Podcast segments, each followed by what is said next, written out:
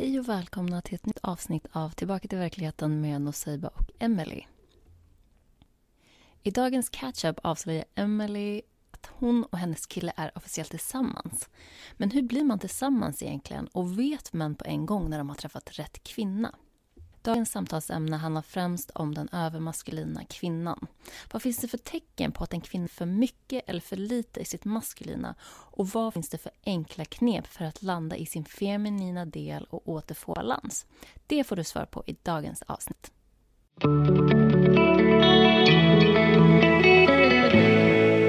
Hallå! Hej! Hej, hur är läget? Hej, det är bra. Jag eh, håller på att landa lite i min nya vardag. Jag har flyttat ut på landet igen. Och eh, är väl, är väl tillsammans med den killen nu då. Jaha, alltså typ officiellt eller? ja, nu, nu har jag gått med på att ja, vi är nog tillsammans officiellt. Eller liksom jag, eh, jag känner mig okej okay med det. jag känner mig redo att eh, det liksom är officiellt. Han, du vet, han har ju ja visst, tack, eller ja det är kul. Han har varit tillsammans med mig typ från början. Det är jag som inte riktigt har velat. Eller du vet, det här som vi ständigt pratar om att eh, oj, mina gamla trauman, jag vill inte, det går för fort fram eller hur ska jag våga ge mig in i någonting igen och ra Men eh, alltså jag känner ju att det är, det är for real, att jag, men jag liksom lutar mig tillbaka i det här nu. Ja, alltså det känns ju, det känns ju som bara så här sättet du har pratat om honom, att det är på G åt det hållet. Liksom. Men för mig då, som aldrig har varit tillsammans med någon, jag har aldrig fattat hur, hur går man tillväga när någonting blir officiellt? Alltså för i mitt huvud så känns det som att amen, mannen går ner på knä, typ som att det vore ett frieri eller någonting. Men hur, jag förstår inte hur det där ens går till. Ja, hur går man tillväga med att någonting blir officiellt? Det är ju en bra Alltså det är väl en jättebra fråga. Du som inte har haft eh, någon relation. Alltså hashtag Venus conjunct Saturn. eller Venus tillsammans med Saturnus. Alltså du som pratar lite astrologi där ute eller tycker att det är spännande. Bara there you go. Du kommer, få, du kommer få vänta lite. Det kommer vara lite blockat det där med relationerna. Det kommer inte, inte, inte att det aldrig kommer hända, men kommer vara lite blockat till att börja med. Ja, och, alltså apropå astrologi, jag måste bara säga att är det så att man har varit singel typ väldigt många år och sådär, så kan man nog få ganska mycket svar på det via astrologin, eller jag har fått det i alla fall, och mycket förklaringar som känns väldigt tröstande, om man säger så. Härligt, skönt. Men det är ju visst, alltså visst, den fria viljan och så vidare och så vidare, men miss, vissa saker är liksom Vissa saker är bara meant to be. Soul contract, förutbestämt, karma från ett tidigare liv. Alltså who knows all the stuff. Ja. Ja men vad roligt. Okej, okay, så ni sågs och pratade om det eller, eller jag, jag förstår inte. Jo, ja men exakt. Tillbaka till den frågan då. Hur vet man att någonting är officiellt? För att så här. Vi träffades ju alltså för typ fyra månader sedan. För jag, jag ville ju gärna träffa någon så här organically. Även fast jag då provade på lite datingappar och så här, gotta put yourself out there. Okej, okay, då körde jag bara och liksom dejtade väl kanske någon så här 7, 8, 9 killar under hösten och vintern. Men det blev ju aldrig någonting och alltså både plus minus sådär med datingapparna då. Och sen hörni, alltså igen, låt mig vara lite astrologisk. Alltså sen kommer eh, Eclipse säsongen, alltså mån och solförmörkelser, de kommer alltid tillsammans. En mån och en sol, äh, solförmörkelse, alltså nymåne och fullmåne, fast lite extra laddade, som alltid kommer liksom, i par ungefär en gång i, halv, i halvåret. Så att i maj då så är det sol och månförmörkelse och de slår så här, eh, väldigt exakt på min natal chart eh, vad handlar om eh, alltså relationer, eller vet, jag som individen kontra den andra och de som är utanför mig och liksom som speglar tillbaka. Det är en väldigt så här, exakt eh, aktivation av det. Där kom han då. Jag bara gick hem, du vet, jag var bara på väg hem, gick där på den där trendiga Götgatsbacken, in på ett eh, apotek Och sen så helt plötsligt så bara stod det någon snubbe du vet där bredvid och bara var i mitt space liksom. Jag tittar upp på honom och alltså där står den här mannen du vet och han for real, alltså han har ett ansiktsuttryck som att han, alltså han står och tittar på en ängel. Jag blev lite, du vet, jag, tog, jag, kom, jag hajade verkligen till och var så här, vem, vem är det här nu då? Och ehm, då hade vi alltså gått förbi varandra på gatan och han, efter att han hade fortsatt lite, gå, gå lite grann så kände väl han, eller du vet, han hörde Guds röst eller något sånt där att alltså, du kommer aldrig förlåta dig själv om du inte springer efter den där tjejen. Alltså du måste hitta henne. Så han mm. hade helt enkelt bara vänt och tittat sig omkring eller undrat lite vart tog hon vägen. Hon kan inte ha kommit så långt och sen så såg han mig inne på apoteket och han kom upp till mig, fram till mig. Och så småpratade vi lite grann där en stund och jag gick väl med på att han kunde ta mitt nummer då och visst ja, jag bjuder ut mig på lunch om du vill. Jag var väl mest så här, jag hade ju precis gett upp eller bestämt mig för att jag ska vara mig själv. Jag ska bara ta hand om mitt jobb och familjen och vara med det högre och så här, jag tänker inte ens, jag vill inte ens ha någon relation. Så jag tyckte ju mest att så här, hur ska jag bli av med den här killen typ. för att han, det var väl inget fel på honom men han var ju inte så här hejdlöst attraktiv. Utan jag kände typ att hon, hon i kassan tyckte inte att vi skulle stå där och romansa med varandra. Och, ja, så han fick mitt nummer i alla fall. Jag bara så här, ville att han skulle gå typ, på den vägen. Är det sen då sakta men säkert. Som jag säger så var det ju typ fyra månader sedan. Men jag kommer ihåg så här, efter en månad för då först så ville jag knappt typ att han skulle ringa mig och jag var så nej jag är inte öppen för ett förhållande och han typ rullade med ögonen där borta du vet och var så ja ah, okej, okay, my darling.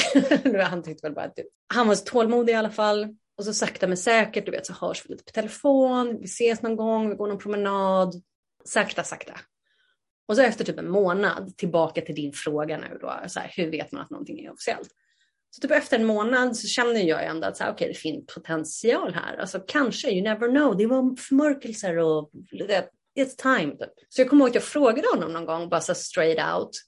Vilket är ganska bra tror jag. För att många gånger så, exakt, alltså vi vet ju typ inte vart vi har varandra. Och gärna vi kvinnor, vi tolkar ju någonting som att så här, det här betyder att vi är tillsammans. Fast det kanske inte alls gör. Eller du vet, det bara blir massa knas. Hur som helst. Gud vad jag snackar. Men det är ju det vi är här för. Anyway. Ja, exakt. så då frågade jag honom så här, jag bara, men din, vill du att vi ska vara tillsammans eller?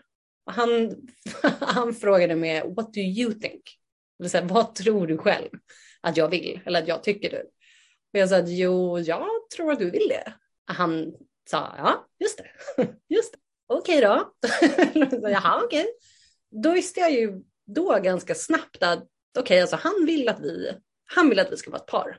Att det är liksom officiellt, vi är tillsammans, han är min kille, jag är hans tjej. Och sen utöver att jag frågade så då, han, gill, vet, han gillar ju att han är invandrare, eller han är så stolt att han är invandrare och sådär. Så du vet, han brukar skämta om det ibland, att han är som han är för att han är invandrare och sådär. jag tycker att han är skojig. Men då brukar han säga det att han är invandrare, men han han lär sig svenska, han har svensk tjej. På den vägen också då bara i du vet, casual conversation så säger han saker som får ju mig att förstå vart han är någonstans i vår relation och rent mentalt. Att han är jag är svensk tjej, du är min svenska tjej. Samtidigt som det också har gått hand i hand med en massa konversationer om att så här, jag vet inte riktigt, jag är inte säker än, jag vill att det ska gå sakta framåt och han är helt med på det. Det är bara, jag har tålamod med dig, allt ska vara så att du känner dig bekväm. Det är precis som du vill älskling, vad du än vill så att du blir glad. Ja men det är väl jättebra också att du har fått ta lite din tid. Jag har ju typ läst någonstans, eller var det du som berättade det här med att man, att man hade intervjuat massa par som hade varit tillsammans väldigt länge och det var så här, när visste du att du ville vara tillsammans med den här personen och att det skulle ta typ ett halvår? Var det inte något sånt? Just det, vi pratade mm. om det. Ja. Och jag vill minnas att jag, just det, jag hörde någon annan så relationscoach. Han hade läst alltså statistiken på, från en forskning på den frågan. De hade frågat eh, par som hade varit gifta ganska länge. Att så här, när visste du att det här var personen som du ville tillbringa ditt liv med? Och en hel del män, en, he, alltså en hel del män, de kunde alltså svara att de visste det på en gång eller inom ett par veckor. Men det mest tror jag, generella, det var att alla, både män och kvinnor, de svarade i alla fall så här, inom ett halvår eller ungefär vid sex månaders gränsen. Då visste folk att det, det här är min partner. Jag tycker det känns väldigt betryggande för att jag tror jag har haft en föreställning av att det ska vara typ, kanske typ tre, vilket jag känner personligen, alltså alla är olika, är alldeles för kort tid att faktiskt känna en person. Alltså jag tycker att, jag kanske förstorar upp vad betydelsen är med att vara officiellt, men för mig så känns det inte som att jag skulle kunna vara det med något där det känns lite halvdant eller sådär, utan det ska verkligen vara att jag känner så här, absolut 100 procent, som du sa innan, så här, ingen är ju perfekt eller så, men att jag verkligen känner att det här tillför något till mitt liv och att jag kan tänka mig att det kommer göra det i alla fall en lång tid framöver. Så det är inte ett litet så här lätt, för jag minns liksom folk på gymnasiet och så här kunde bara gå och bli ihop med vem som helst. Och det i mitt huvud liksom gick inte riktigt ihop med vad en partner är för någonting eller vilken roll de, de ska ha eller han ska ha eller hon. Mm. För alltså, den delen. Det där, tror jag, det där tror jag är alltså både smart, hälsosamt och liksom att rekommendera. För att jag kan nog gå med på jag kan nog gå med på att en, en hel del män där ute som du vet är så väldigt starka och trygga i sig själva. De känner sig liksom redo i att de är en punkt i livet där de kan ta sig an en, en riktig relation och sådär. Där kan jag nog gå med på att många män kan veta så här på en gång. Du vet att så här, jag vill ha henne. Du vet, de bara bestämmer sig typ, eller de, de bara vet det. Det kan jag nog gå med på. Sen finns det en hel del män och speciellt kvinnor där det är så här, det borde ta tid. Alltså av många anledningar. Inte bara för att du vet, om man så springer in i någonting och bara nu är det officiellt, nu är vi tillsammans. Alltså till att börja med så är det så här stort, eller stor möjlighet för autosabotage. För att helt plötsligt så är det så här jättemycket förväntningar på varandra och relationen utan att det liksom finns någonting verkligen etablerat. Och så har man gått runt och sagt till folk att man är så officiellt eller jag har en tjej, jag har en kille och sen så funkar det inte men man vill inte ta tillbaka det för att egot är där och stör. Och det är bara det är högst rekommenderbart att liksom ta det lugnt med det där. Jag tycker det är högst hälsosamt och igen det här då att det ska gå så fort liksom. Alltså jag tror inte, nej jag tror inte på det. Men vad tänker du kring det här med att att eh, män verkar, eller många män kanske så känner direkt att så här, ja, det här är den personen eller kvinnan som jag vill vara tillsammans med. Vad tror du, varför tror du att det är så? Det är nog någonting, det är någonting som jag kanske har köpt eller gått med på bara för att jag har hört så, mycket, så många så stabila män med långvariga förhållanden säga det. Mm. Och i, ibland dem så är det också, alltså, må, några stycken av dem är också så relationscoacher. Okay. På, med det så har jag nog så här, okej, okay, jag har nog gått med på det. Och för att, och för att allt, efter allt det här djupdyket i maskulint och feminint och sådär så är det ju alltså högst maskulint att bara ta ett beslut, du vet. Och vara säker på sin sak. Men sen är det inte som att det så måste vara så eller att Nej. om man inte känner så så är det tecken på att han typ inte är maskulin. Alltså, vanligare för män än för kvinnor. Men sen är det strunt samma också på en viss nivå. Liksom. Det är klart att alla kan vela eller alla att man inte vet och det måste ta sin tid och sådär. Alltså, det är ju självklart. Men om det nu är någon då som ska veta så här på en gång, då är det nog då är det nog de här lite mognare männen det kanske är också därför han då, eller andra mogna men också är okej med att vänta och ha tålamod och sådär. Att det blir liksom värt det för att de har redan haft den där känslan av att det är rätt på någon typ av nivå. Det kan jag nog tänka mig. Och att de liksom orkar med henne. Eller så här, mm. orkar med, han orkar med mitt drama liksom, för att han är redan så säker. Men någon annan då, kanske typ någon av de här snubbarna som jag dejtade i höstas och i vintras och sådär, men ena killen i alla fall, där fanns det ju, alltså vi gillade ju varandra, det fanns kemi och liksom, vi var en good fit sådär. Men han var ju inte redo. Alltså han var inte riktigt redo så för ett riktigt förhållande, visste inte riktigt vad han ville och så här. Och, ja, det triggade ju mig och sen så blev det bara drama som inte gick att liksom, ta sig förbi. Nej, det om något är väl en, en så här stor ledtråd till om det är en, en rätt typ av relation eller inte. Att det känns som att, eller jag märker ju skillnad i när det är jättemycket drama och stress bara, och, eller när det bara är ett lugn. Alltså det är inget så upp och ner, fram och tillbaka. Det är bara så ett jämnt, skönt tempo. Ja visst. Oh, the slow burn liksom. Exakt. Slow burn. Och det är väl, alltså det börjar bli lite dags för oss att gå vidare till dagens tema. Men, men, men. men. Samtidigt som allt det här som vi säger nu då är sant, att det är bra om det tar lite tid, så tror jag också att speciellt alltså för singeltjejer och singelkvinnor där ute, så, så även om det är sant, att låt det ta lite tid, alltså låt inte någon man bara drag you along i så flera år utan att han riktigt vet vad han vill. Eller om du är ute efter en så här, jag vill ha en partner, jag vill ha en relation, liksom, jag, man kanske vill bli mamma sen eller sådär. Satsa inte då, gå inte och liksom tillåt dig själv att kära ner dig i en kille som så inte vet vad han vill, som inte har någon aning om vad han riktigt vill. För det där är liksom bara, det är bara dumt. Du kommer typ slänga bort din tid på honom eller vadå, har ni dejtat, typ varit ihop i så två, tre år och han vet fortfarande inte vad han vill med dig. Alltså glöm det. Jag inte vet vad han vill eller bara har fastnat. Alltså typ att hela fram, som säga, utvecklingen i relationen har stannat. Då är det verkligen dags att så här, prata. Och, som du säger, så här, det värsta man kan göra är förmodligen att gå runt och vänta för att ingenting kommer ändras. Ingen polett kommer falla ner om man inte själv mant tar upp det. Ja, visst. Och där tror jag också, då är det lätt att falla in i det igen också, då, att det är, så här, det är tjej, tjejer som ska så här, driva på, du vet, pusha fram någon, eh, alltså vad säger man, engagemang och commitment och att det ska gå vidare till nästa nivå. Och det kommer, du vet, han kommer inte uppskatta det. Han kommer bara bli sur och typ känna sig trängd.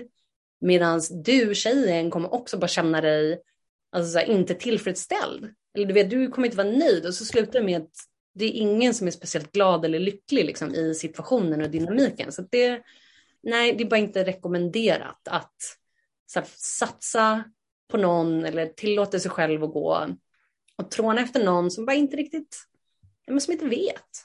Nej. nej, men det är bra. Eller hur? Innan, bara sista, innan vi avrundar. För också det här med att, här, att inte veta, du vet, och vara förvirrad, om vi ska koppla det till våra våra andliga musings och eh, chakrasystemet och sådär. Att känna förvirring och du vet, bara, ah, jag vet inte, bara vela fram och tillbaka, jag förstår inte, det är så otydligt. Det där är ju så tydlig signal på att ditt eh, kronchakra, alltså där, där vi är liksom uppkopplade till vårt högre jag och själen och Gud och sådär, bara inte funkar som det ska. Det är meningen att vi ska känna klarhet ha, ha klarhet, kunna ta tydligt på saker och ting. Så att när saker och ting inte är så, ah, då, då vet vi att så här, nu, nu flödar energin inte som den ska. Nej, men bra, jag har aldrig tänkt på det så. Det var väldigt bra sagt. Varsågod. Mm, Varsågod.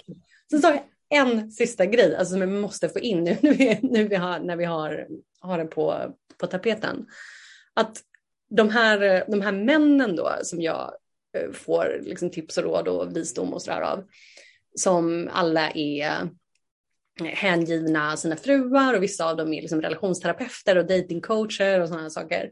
Vet, vet en grej som jag har fått höra från dem också, så här, för oberoende av varandra. Apropå det som har att göra med en man som liksom är redo, som är redo i sig själv, han är i den fasen i livet och sen han är redo för en högre eh, hängivenhet, en kvinna och giftermål och sådana saker.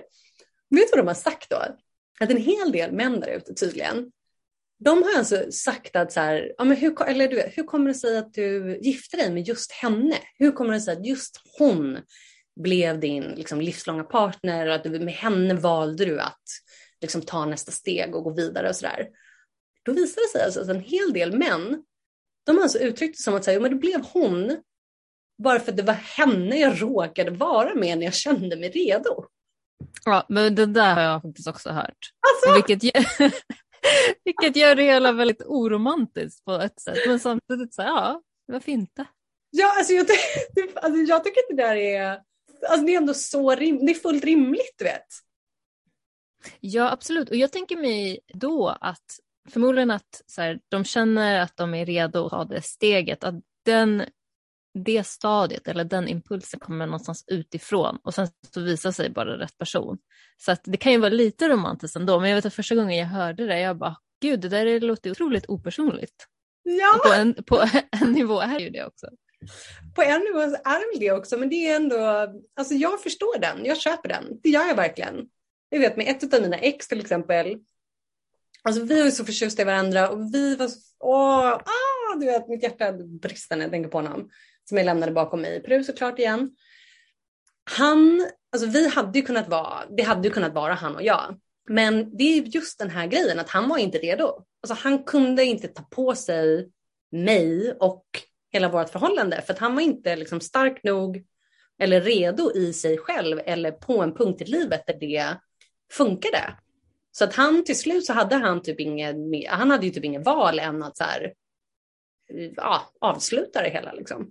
Men gud vad att du säger det, för jag har ju hört i mitt liv ganska många gånger av män den här, jag är inte redo. Och jag har ju tagit det 110 procent personligt. Att så här, du är inte redo med mig, det är så jag har översatt det i mitt huvud. Mm. Eh, men det kan ju faktiskt bara vara så att de är bara inte i det stadiet och det inte är så personligt som jag har tagit det. Jag tror det alltså. Jag tror det verkligen är så mycket mindre personligt än vad vi än vad vi tar det. Eller du vet, sen är jag också så här, jag har full förståelse. Jag lackade ju typ också ut på mitt ex, eller jag var så sårad och hur kunde du säga att du älskar mig? Hur kunde du liksom göra alla de här sakerna för att sen bara sluta? Typ. Men, men det är inte så personligt och det betyder ju liksom inte att kärleken inte var äkta eller att det inte var på riktigt och sådär. Det bara är som det är. Ja. Yes, on to the next. On the flip side då nu har vi pratat om, eller nu vet vi lite hur vi har sett när en man går för långt in i sitt feminina. Men vad är då tecken på att vi kvinnor har gått för långt in i vårt maskulina? Bara, Hej Emily i 20-årsåldern. Men du, samma här. Jag kan redan känna hur igenkänningsfaktorn kommer att stiga till max. Ja visst.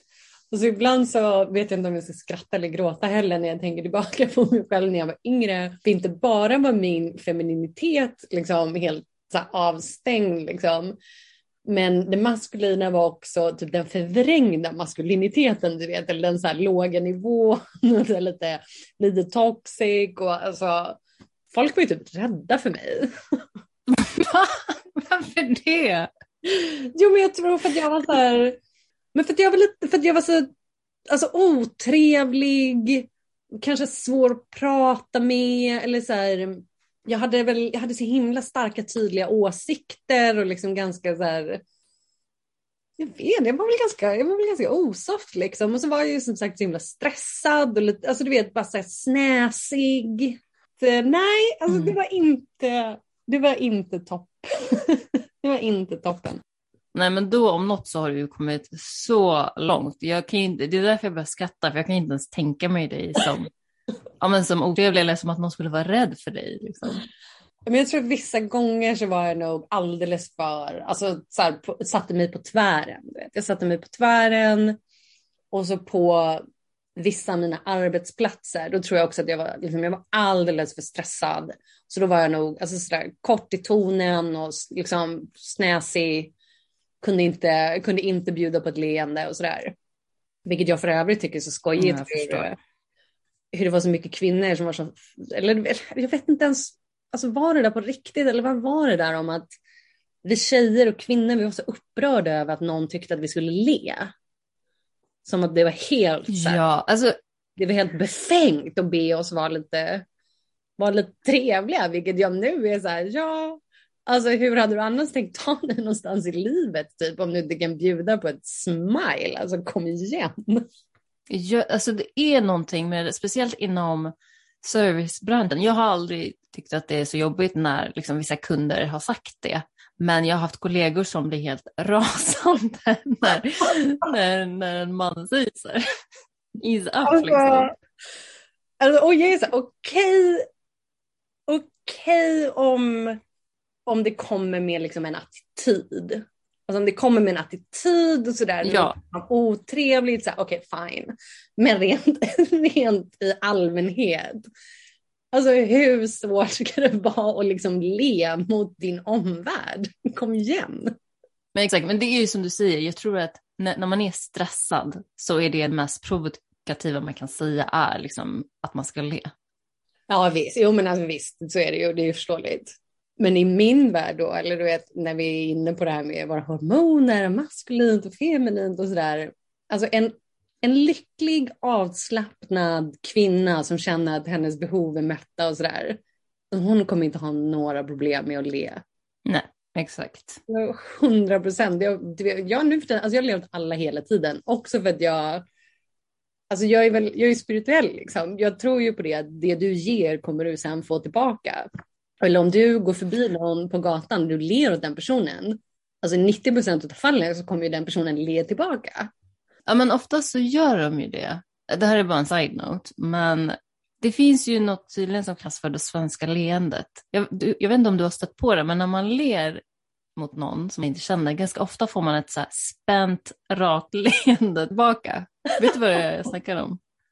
Ja, det gör jag nog. Jag skulle tro att eller jag gissar att det handlar om att folk är inte så vana. Alltså folk är inte ja, så vana vid främlingar eller att du vet, le åt främlingar och sådär. folk liksom inte, har inte vanan inne typ. Men nu då, jag har ju gjort det till, eh, alltså jag har gjort det till en grej. Vet. Jag ler åt alla hela tiden nu för tiden då. Jag ler åt liksom busschaufförerna och på tunnelbanan och de som servar mig och de jag går förbi. Eller så här, vet. Jag bara ler hela tiden. Och jag märker ju att vissa är, blir ganska förvånade och ser genuint så här, wow, nej, hej, tack, hej, ler tillbaka, jag tycker att det är så trevligt. Ja. Sen så finns det de riktigt, om jag, skulle, om jag, jag är nästan aldrig stressad längre, men om jag är på riktigt dåligt humör av någon anledning, ja då, då ler jag inte. Men det är också så här, jag känner ju det, det energin är bara så tung. Det är trögt och det är mm. tungt och liksom, det, du vet, uh, uh. Jag, jag är mycket hellre, jag är mycket hellre glad, helt enkelt. Nej, men det var det jag tänkte säga när du sa det med ler. Visst, alltså man, man, man kan liksom få det tillbaka reflekterat av universum av att man är liksom glad och mår bra och sådär. Men det är inte, man, man gör ju inte det liksom för att man ska få något, utan det känns ju bara bra för en själv och det känns bra i kroppen när man mår bra. Och då vill man visa det utåt också. Ja, men så det är sant att eh, det är klart att det finns tillfällen ibland när det liksom, du måste inte le. Eh, men jag tycker också att eh, alltså bjud, du kan väl bjuda på ett leende, alltså för guds skull. Också, eller om vi bara tänker på den, om vi bara tänker på den biten som är så här, hej, jag är singeltjej, jag skulle vilja alltså ha, träffa en kille eller få en kille, ha en partner och sådär. Man bara, men le då. så här, bara, gör det du kan. Mm för att vara glad. För att de allra flesta männen där ute i världen som skulle klassas som liksom en hälsosam, bra kille, han vill ha en glad tjej. Som är glad i alla fall för det mesta. Eller så, off, alltså du vet, man måste inte vara perfekt och alltid glad, men du vet någon som inte bara kommer dra ner honom. Typ. Ja men exakt, exakt. Jag tycker att det där är en jätte, jättebra poäng. Jag tror att folk inte Uh, vad ska jag säga det? Um, jag kan säga, jag kan säga. Jag tror att, ja, uh, uh, säg. Jo men att jag tror att där kan våra egon också komma in i bilden och vara så här, men jag ska kunna vara mig själv, jag ska kunna vara precis hur som helst. Eller du vet, alltså, man ska inte döma varandra och du vet, alla, man måste ju få vara som man är. Och, och visst, liksom, okej, okay, men om vi tar det exemplet då att någon är singel eller en tjej är singel Män har också grejer att dela med. Eller vi har alla våra grejer att dela med här i livet. Så om vi då står där som singlar och är så här, nu vill jag hitta en partner. Vill vi då, eller kommer vi då satsa på någon, alltså du vet som är för oss en främling till en början. Kommer vi då satsa på någon som så här, kommer med mer drama eller någon som får oss och bli lite alltså gladare eller liksom bli upplyft och få att får positiv energi av den här tjejen eller killen. Så det där som singel, Alltså kom igen, vi måste ju vara lite, bara vara lite medvetna med vad, vad vi kommer med till bordet så att säga. Ja, exakt. Jag, jag tänker även, bara när det gäller i ett dejtingscenario till exempel, eller scenario, att om eh, mannen då ska eh, approacha och man har att välja mellan någon som ler eller någon som inte gör det, då blir ju beslutet, tänker jag, ganska enkelt. Och även att det, blir mer, det är ju lättare att gå fram till någon eller skriva till någon eller vad det nu kan vara, där det är leenden och glad. Det känns ju mycket lättare än om man ska försöka fånga intressen av någon som ser dystrare ut. Ja visst, och gud det där får man tänka på en så bra sak också. Ja. Att som du säger, det är klart det är mycket, det, det är mycket mer inbjudande. Men också, alltså, du vet om vi då går runt och tycker att så här, men män ska ta första steget kanske eller sådär, ja men fine tyck det då, eller jag, liksom, jag ville ju ha det så och för mig blev det så. Alltså det kan ju inte alla män som är helt bekväma hela tiden. Och det är ju fullt förståeligt. Alltså du vet, vem vill bli så rejected in public typ? Eller någon kanske har blivit i förut och så här. Det är ju fullt förståeligt att de liksom, det kanske är någonting som tar emot lite grann.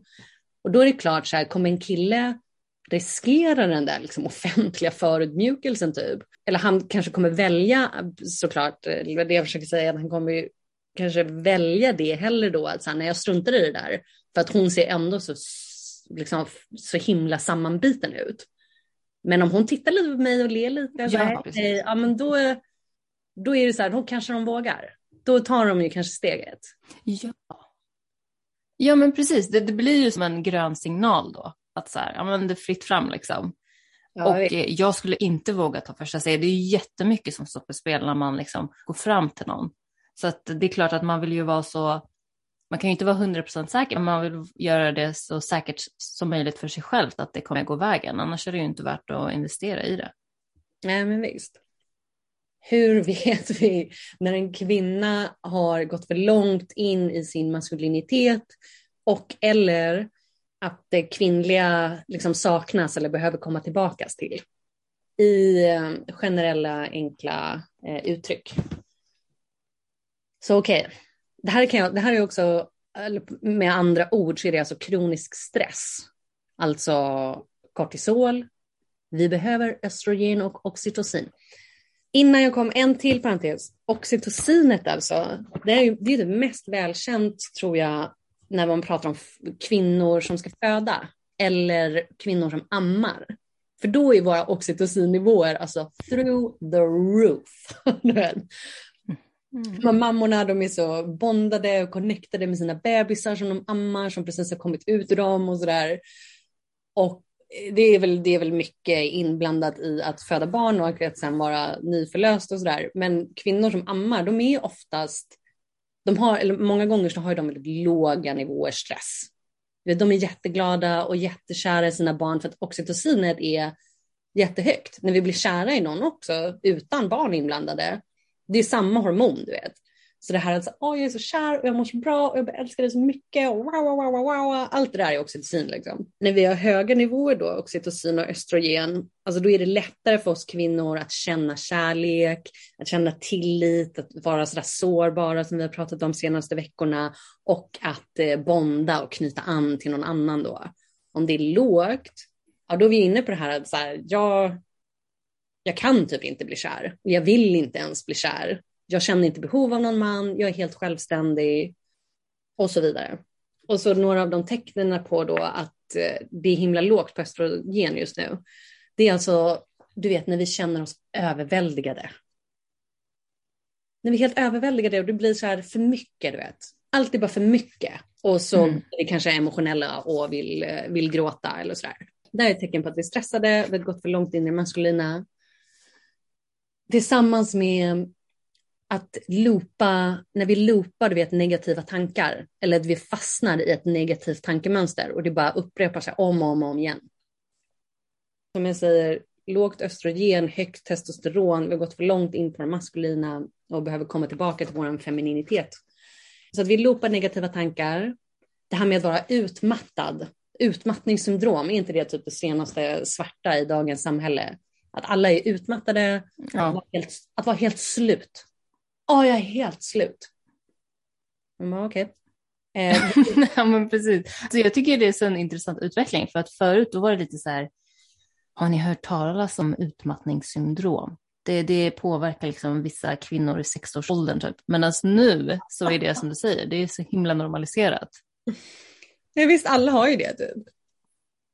Alla har ju det och jag tror att vissa också är, så, de är deprimerade liksom, och så blir det ett utmattningssyndrom. Eller de här sakerna går ju, de går ju hand i hand och liksom går in ja. i varandra. Så många gånger visar sig det också i sömnsvårigheter eller så konstiga sömnmönster. Bitterhet. Alltså det här ser, alltså du vet, det där tycker jag är, den är bara så slående. Alltså det är så mycket, mm. mycket bittra kvinnor där ute i världen. Att vara bitter och att vara missnöjd. Missnöjda, sura, bittra, du vet, bara klaga på alla andra, typ tycker att det är andras fel eller vad det nu kan vara. Liksom det där, sådana här saker. Att, att vara mentalt oflexibel, eller du vet helt så här mentalt liksom stel och kan inte, kan inte tänka om eller ändra på sig och sådär. Gör mycket motstånd eller håller emot och så vill inte gå med på några förändringar.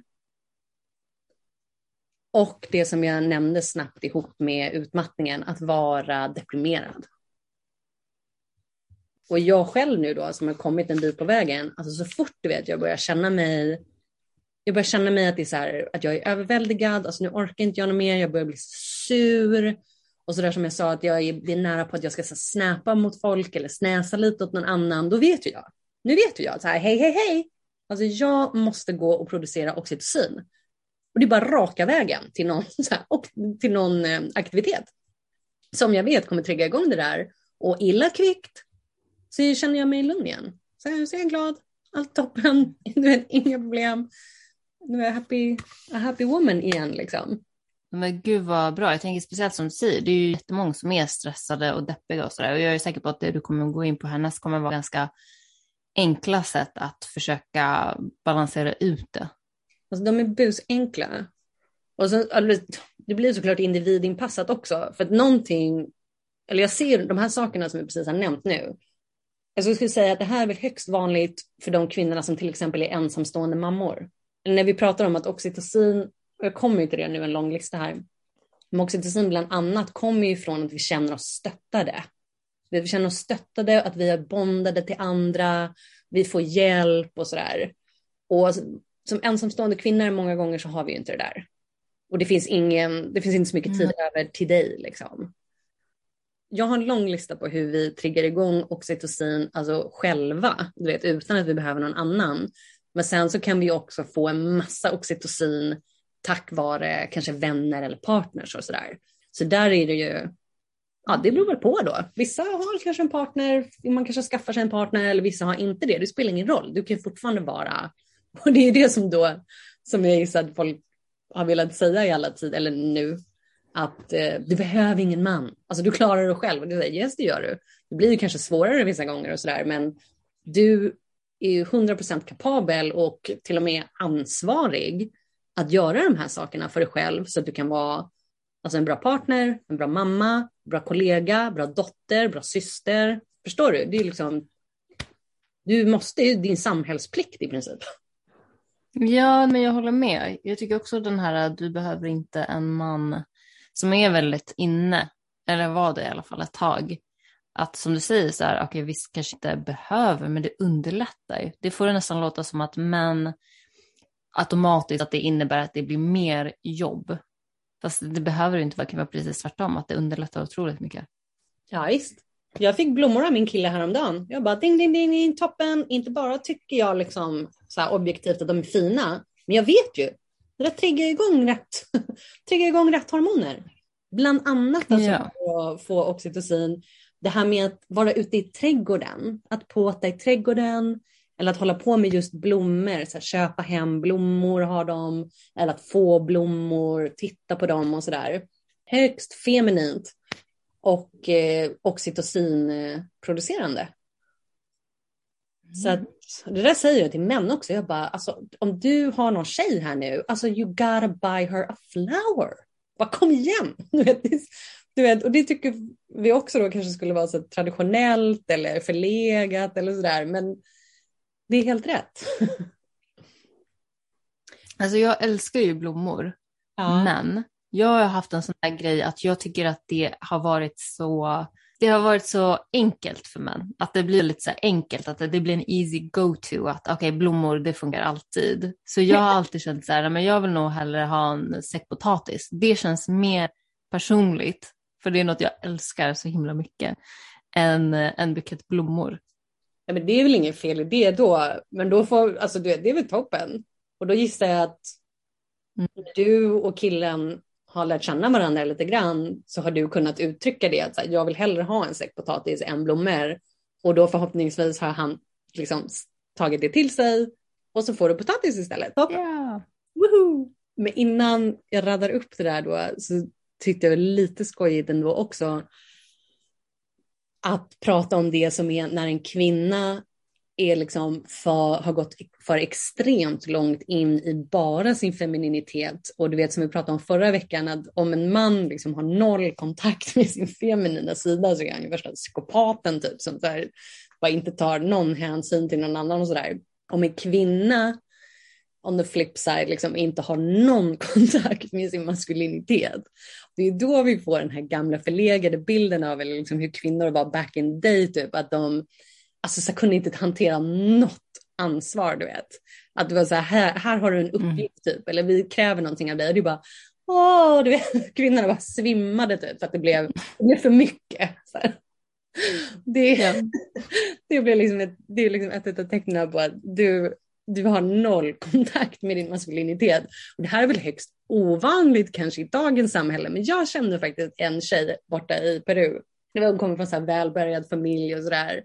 Och hon, alltså det var noll maskulinitet i henne. Hon, alltså hon gjorde, det, hon gjorde inte mycket. Jag tyckte, jag tyckte bara det var så kul. Kanske inte är så fruktansvärt ovanligt för resten i dagens samhälle. Det händer väl nu också och jag ville eh, bara poängtera det eller visa på hur, eh, hur det ser ut när det händer. Det har alltså blivit för mycket östrogen. Det är, det är liksom möjligt.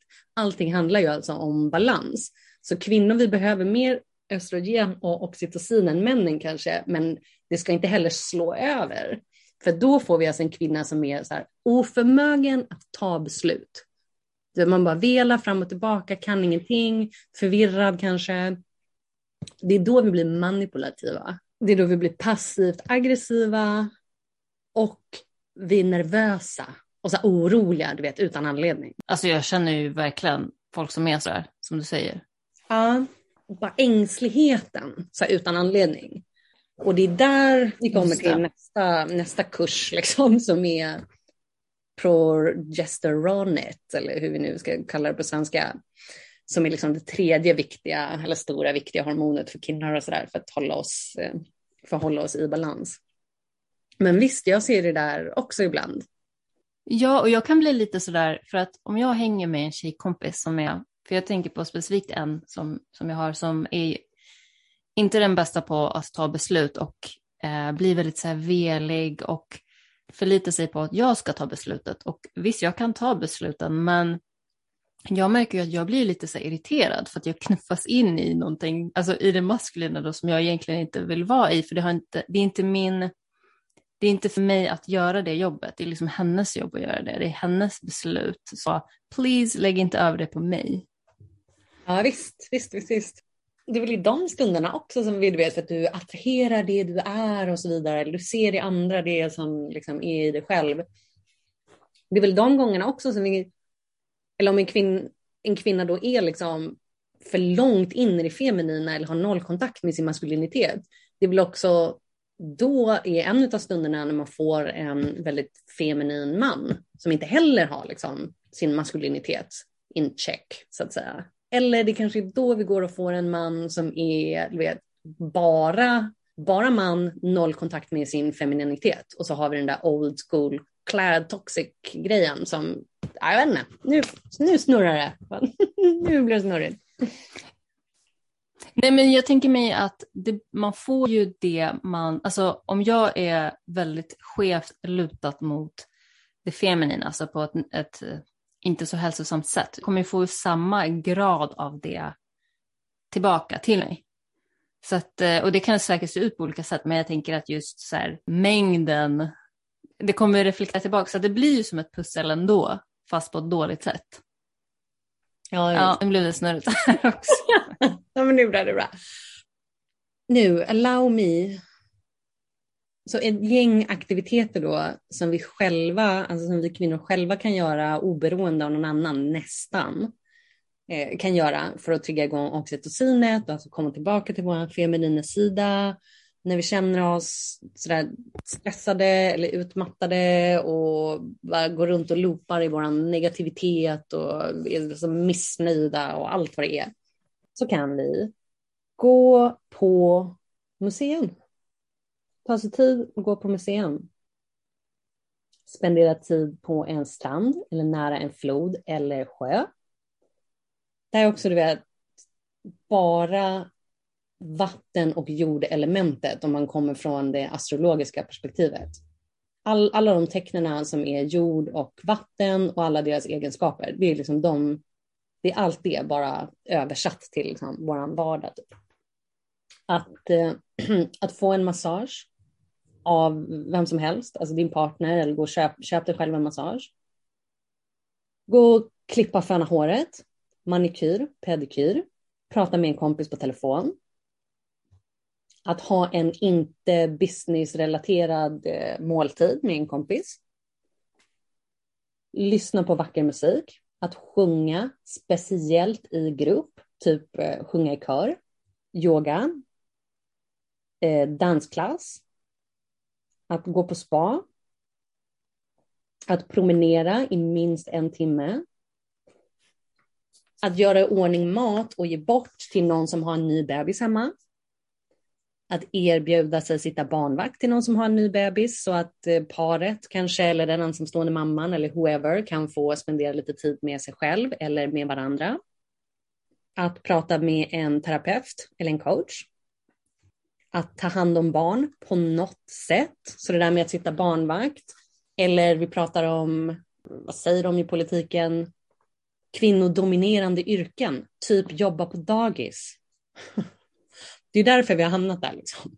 Att, eh, att anställa en, eh, vad säger vi på svenska, att anställa en handyman. Att anställa någon som kommer och fixar grejerna som du behöver få fixat hemma. Att anställa städhjälp eller anlita städhjälp, en städfirma som kommer och städar hemma hos dig. Att kampa, att hålla i en bebis. Det är bara ding, ding, ding, ding, ding, ding. Att hålla på i trädgården, påta i trädgården då som jag sa, eller att få av någon annan alternativt köpa färska blommor och ta hem. Att gå en kurs i blomsterarrangemang. Planera familjeaktiviteter. Sätta ihop ett fotoalbum för att dela med andra. Att anordna och ta hand om eh, trädgårdsland att gå på bio eller se en film mitt på dagen. Att mata fåglarna. att mata fåglarna, alltså slänga frön eller sätta upp mat till fåglarna utomhus och sen njuta av de fåglarna som kommer och äter av den. Dingeliding triggar igång oxytocin och östrogenet, allt sånt där. Att anställa någon typ, eh, vad hette hon på Netflix? Marie Kondo. Alltså anställa någon eller ta hjälp av någon som kommer och hjälper dig att eh, declutter hemma, liksom göra dig av med med jox. Mm-hmm. Mm-hmm. Att eh, shoppa. Det, det, är därför så många blir shoppingberoende också, för att det temporärt liksom får, får upp oxytocinet. Det kan väl vara lite dopamin och sådana där saker också, men för att mycket, det, det är så skojigt med oxytociner, för mycket oxytocin kan vi alltså trigga igång bara med våra förväntningar. Så att gå och shoppa till exempel och köpa, köpa en ny outfit eller att liksom fixa håret och sådär. Inte bara får du känna dig fin i stunden och du får ta emot så här och bli ompysslad. Men vi kommer också som kvinnor förvänta oss att någon annan kommer tycka att vi är fin. Vet, vi förväntar oss kanske att vi kommer få komplimanger på de där nya kläderna eller, du vet, eller på, på håret och sådär. Och bara den där förväntan att få, att liksom få vara vacker som hör till den feminina principen allt som är liksom njutbart, njutning, att vara vackert, att ha det fint, att vara fin. Allt det där hör till den feminina principen och till oxytocin. Och så du vet, bara den där förväntan är liksom tillräckligt för att oxytocinet ska gå igång. Och det var också därför vi eh, rekommenderar att ha en dejt planerad. Alltså ha en dejt, nästa fredag ska ni gå på dejt. Killen, bjud ut din tjej, så bestäm att ni ska göra någonting på lördag. För bara den här förväntan hela veckan liksom, gör att hon kommer vara glad. Mm, bra tips. Ja, okej, okay, några saker till då på oxytocinet. Att, eh, ja, visst, att gå och shoppa eller prova ut så sexiga underkläder. Att eh, erbjuda sig och hjälpa en kompis med någon. Att sticka eller virka någonting åt någon annan. Att läsa en tidning eller se på Youtube-video om, eh, om mode och eh, skönhet. Tända, tända levande ljus till middagen. Att gulla med ett husdjur eller något annat djur. Att åka på någon typ av weekend getaway med tjejkompisarna. Matlagningskurs. Picknick. Eh, någon typ av sådana där mammagrupper om man nu skulle kunna, eller om man nu skulle ha barn. Be någon att hjälpa dig med någonting. Be någon att hjälpa dig bära någonting som är tungt. Just det, det här med att skicka, att skicka grattiskort. Skicka julkort, skicka grattis på födelsedagen, överraskningsfest till någon. Att gå i en bokhandel och bara strosa så här, utan speciellt mål eller tids, eh, tidspress. Och att bara ta sig tid under dagen att stretcha. Alla de här sakerna.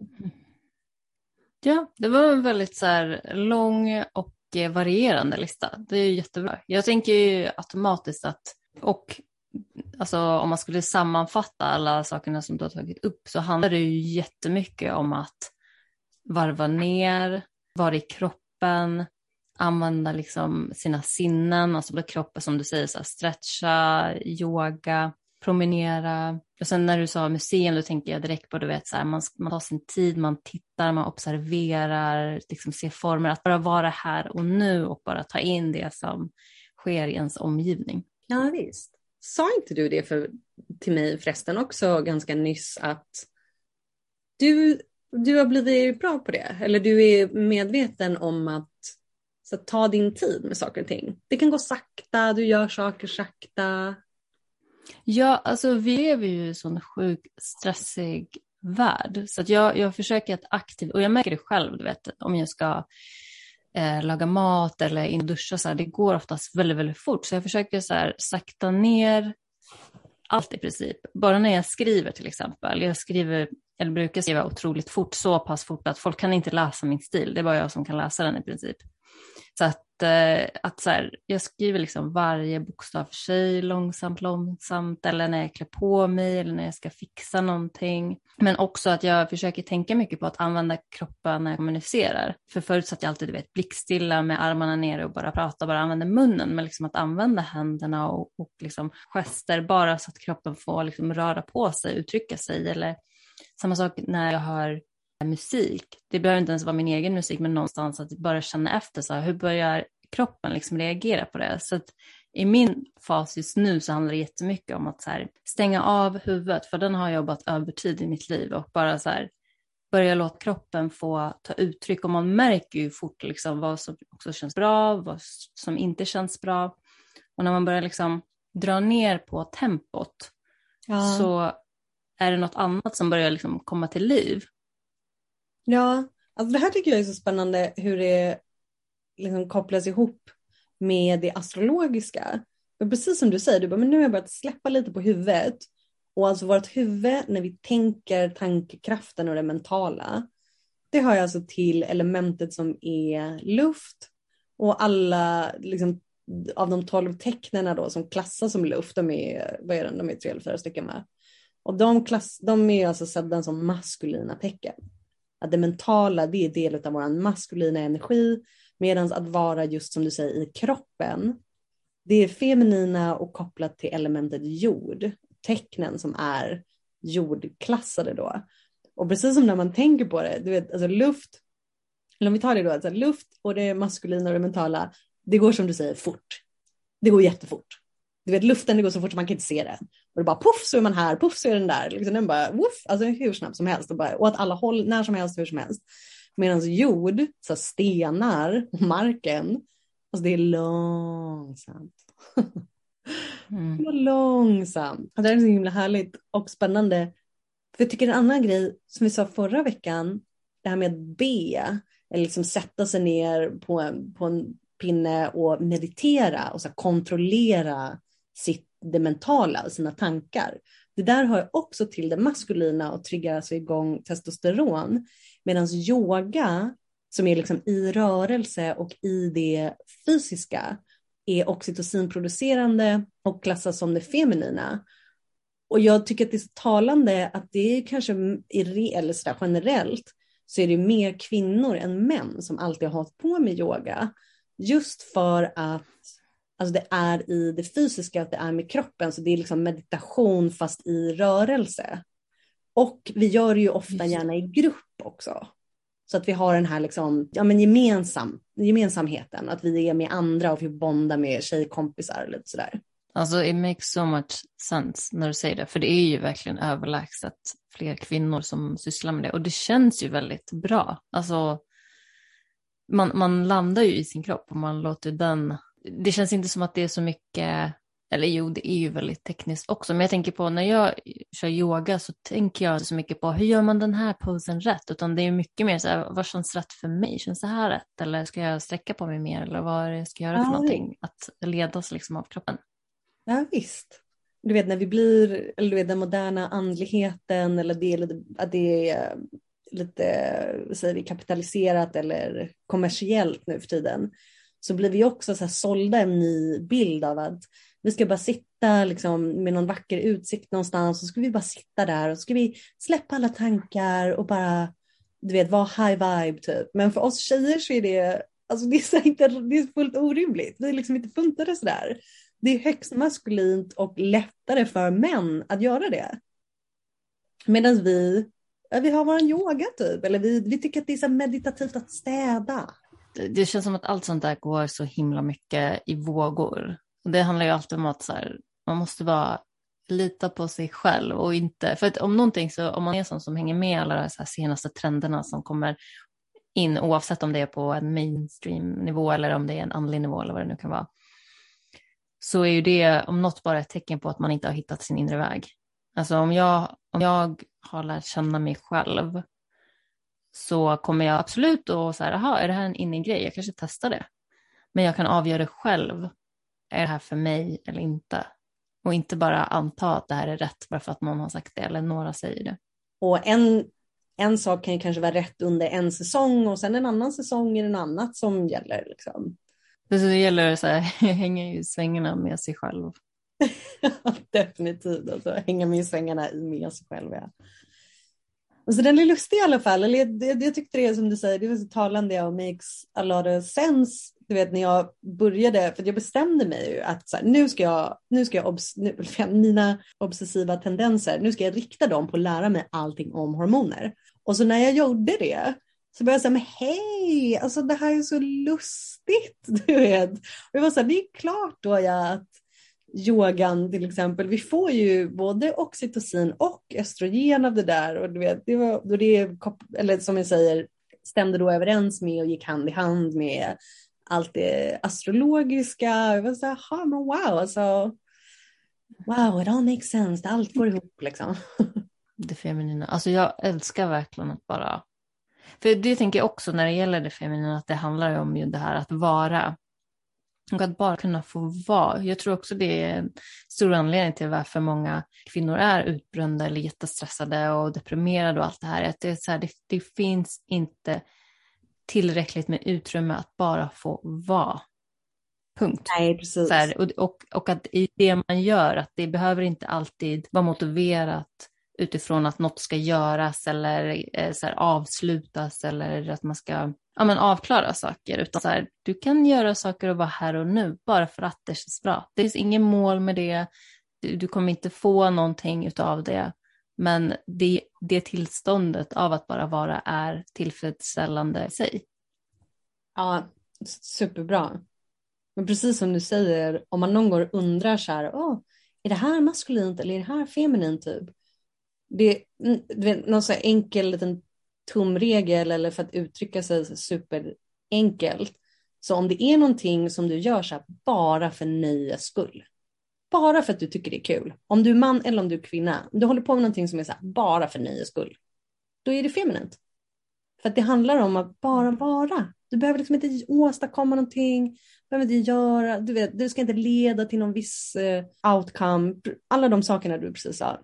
För att det är bara så, så synd liksom, eller tragiskt sådär att många av oss, många kvinnor, vi känner oss ju inte heller värdiga. Du vet, vi känner inte, det är inte bara det att det, är så här, oh, det finns inte tid.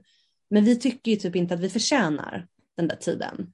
Vi har ju gått på nu, eller vi har blivit liksom inprogrammerade eller inlärda och vi tror att vi kan inte, vi kan inte bara vara. Det är inte okej okay, liksom.